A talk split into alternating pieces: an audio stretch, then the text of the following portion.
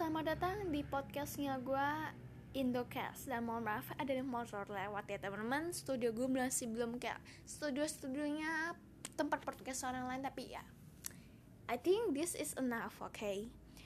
Oke okay guys, jadi di podcast gue ini gue hanya akan menceritakan tentang hal yang funny and interesting, you know? Oh my god, gue kayak orang gak bisa bahasa Inggris saya mohon maaf ya kok Inggris saya agak buruk karena saya emang tidak berbakat dalam bahasa Inggris oke? Okay? oke okay guys so gue lanjutin lagi. Gue di di podcast gue gue nggak hanya cerita tentang kayak um, cerita horor atau begitu begitu tapi gue juga menceritakan hal-hal funny oke okay guys? Thank you karena waktu udah mau habis untuk trailernya sekian. Terima kasih semuanya yang mendengarkan trailer dari podcast gue thank you. Bye bye mah Halo semuanya, selamat datang kembali di podcastnya Indocast. Dan mohon maaf ya, sudah lama saya tidak upload episode pertama. Atau bahkan saya nggak upload lagi, ya ampun. Mohon maaf, gue nggak tinggalin ke podcast gue, gue tetap lanjutin. Cuman emang agak lama aja karena gue nggak nemu cerita yang menarik. Dan akhirnya ya gue menemukan cerita walaupun nggak menarik Tapi yang penting ada lah ya. Jadi itu cerita tentang pahlawan dari negeri Cilan Cila pula Cina. Oke okay, yang bernama Yufei mungkin kalian bagi orang-orang yang kalian mungkin beberapa dari kalian nggak tahu tentang pahlawan Yufei ini. Gue juga awalnya nggak tahu tapi setelah gue baca buku ternyata ada. Terus gue kayak iseng aja mau ceritain kalian. Dan buat teman-teman yang nggak tahu mari langsung aja kita simak video ini karena gue juga nggak tahu siapa. Oke okay, let's go Yue adalah pahlawan nasional di negeri, di negeri Cina pada zaman dinasti Song. Beliau dilahirkan dalam keluarga petani. Pada saat itu, negeri Cina dilanda kekacauan, di mana pemerintah bersifat korup dan menindas rakyat, sehingga banyak terjadi pemberontakan. Sementara, sementara bangsa Chin dari wilayah utara datang menyerang. Oke, okay. Yue lahir di Xiangzhou, Provinsi Henan, pada tahun 1103 Masehi. Ya nggak M? Oke, okay. mungkin Masehi ya Donald. Di keluarga petani. Ketika Yue baru berumur 3 tah, 3 hari, ayah Yue meninggal. Hanya terbawa banjir deras saat menyelamatkan Yue dan ibundanya. Untuk hidup, ibu Yue mencari uang dengan menemukan men menenun kain. Yves membantu dengan mengumpulkan kayu bakar dan rumput. Sepulang dari bekerja, Yves selalu belajar dengan tekun.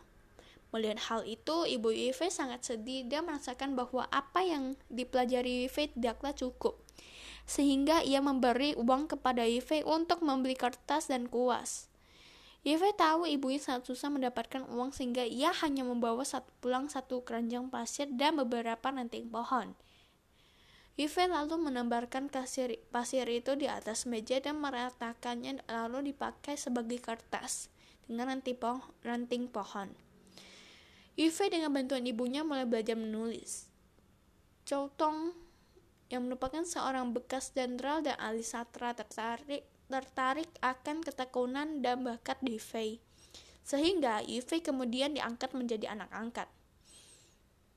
Chotong memberikan semua pengetahuan yang dimilikinya kepada Yifei. Dan lanjut ya. Pada akhir masa dinasti Song Utara, banyak penjabat yang korupsi. Negara mengalami banyak kesulitan. Rakyat harus menjalani kehidupan yang susah. Melihat keadaan seperti ini, Yifei sangat sedih dan marah. Dalam hati bergojak rasa nasionalisme dan cinta negara yang ingin membela negaranya. Ibunda Yifei, Yifei tahu hati putranya ingin membela negara, sehingga di punggung Yifei ia mentatokan kata Chong Pao Guo, yang artinya setia dalam membela dan membalas budi pada negara.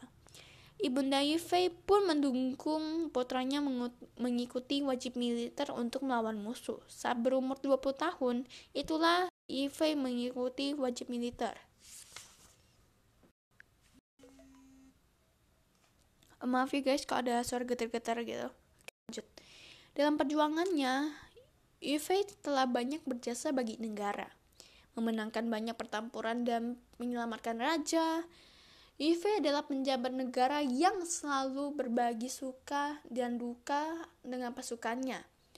Namun, ia juga sangat disiplin pada pasukannya dan meminta mat, meminta mati membeku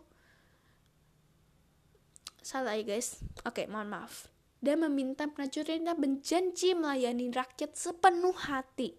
Biarlah mati membuku daripada merampas rumah orang lain.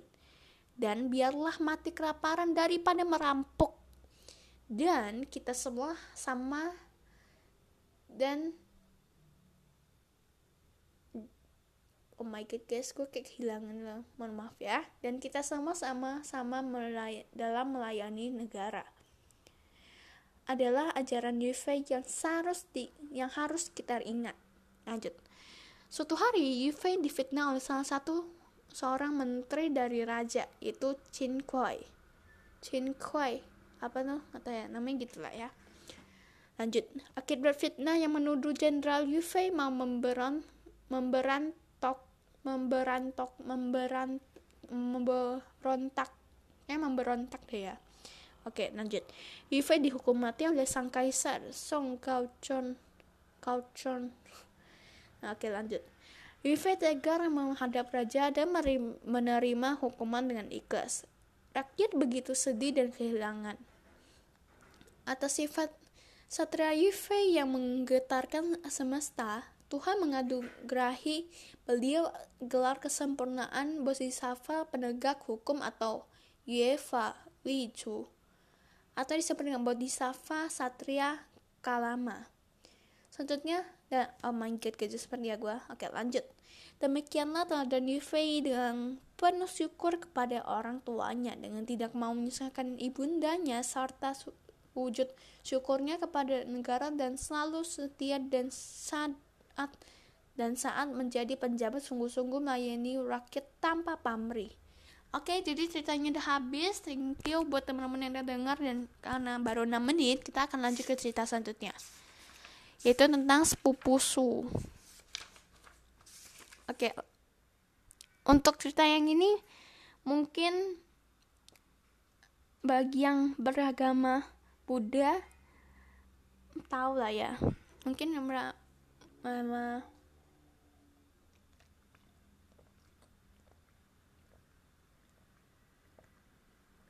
Oke, mohon maaf ya. Jadi ya ini saya ceritakannya ini bukan maksud saya kayak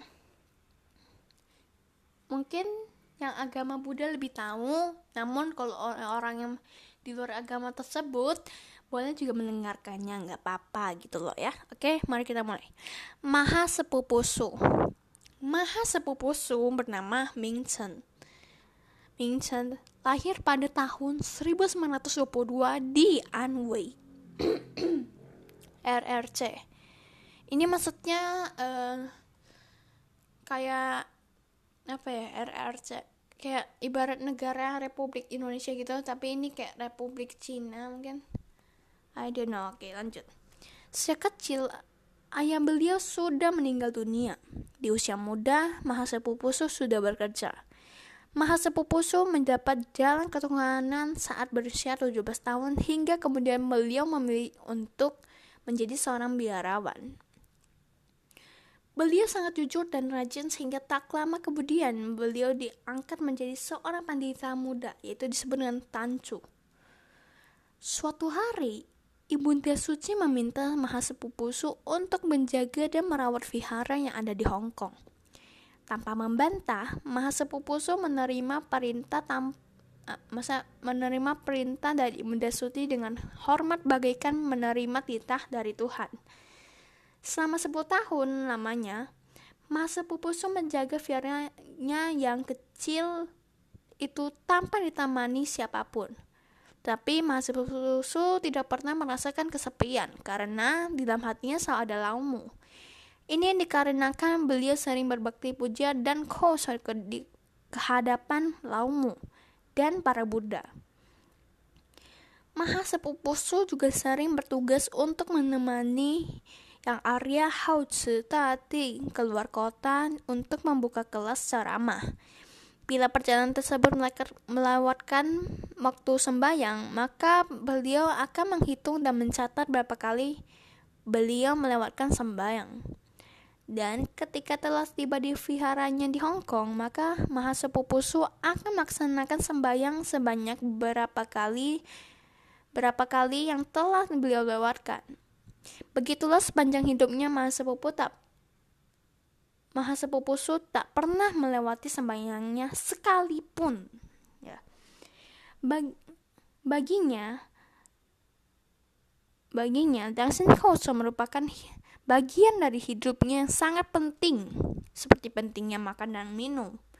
Hingga akhirnya hayatnya Laumo mengadu, menganurahkan beliau kesempurnaan Cencong Tianjin yang artinya Buddha dengan kesetia, kesetiaan yang sejati.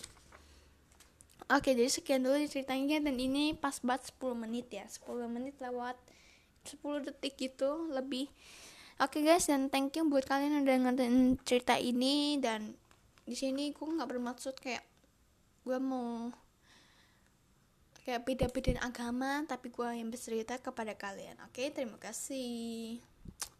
Goodbye guys. Sampai jumpa. See you in the next episode. Bye bye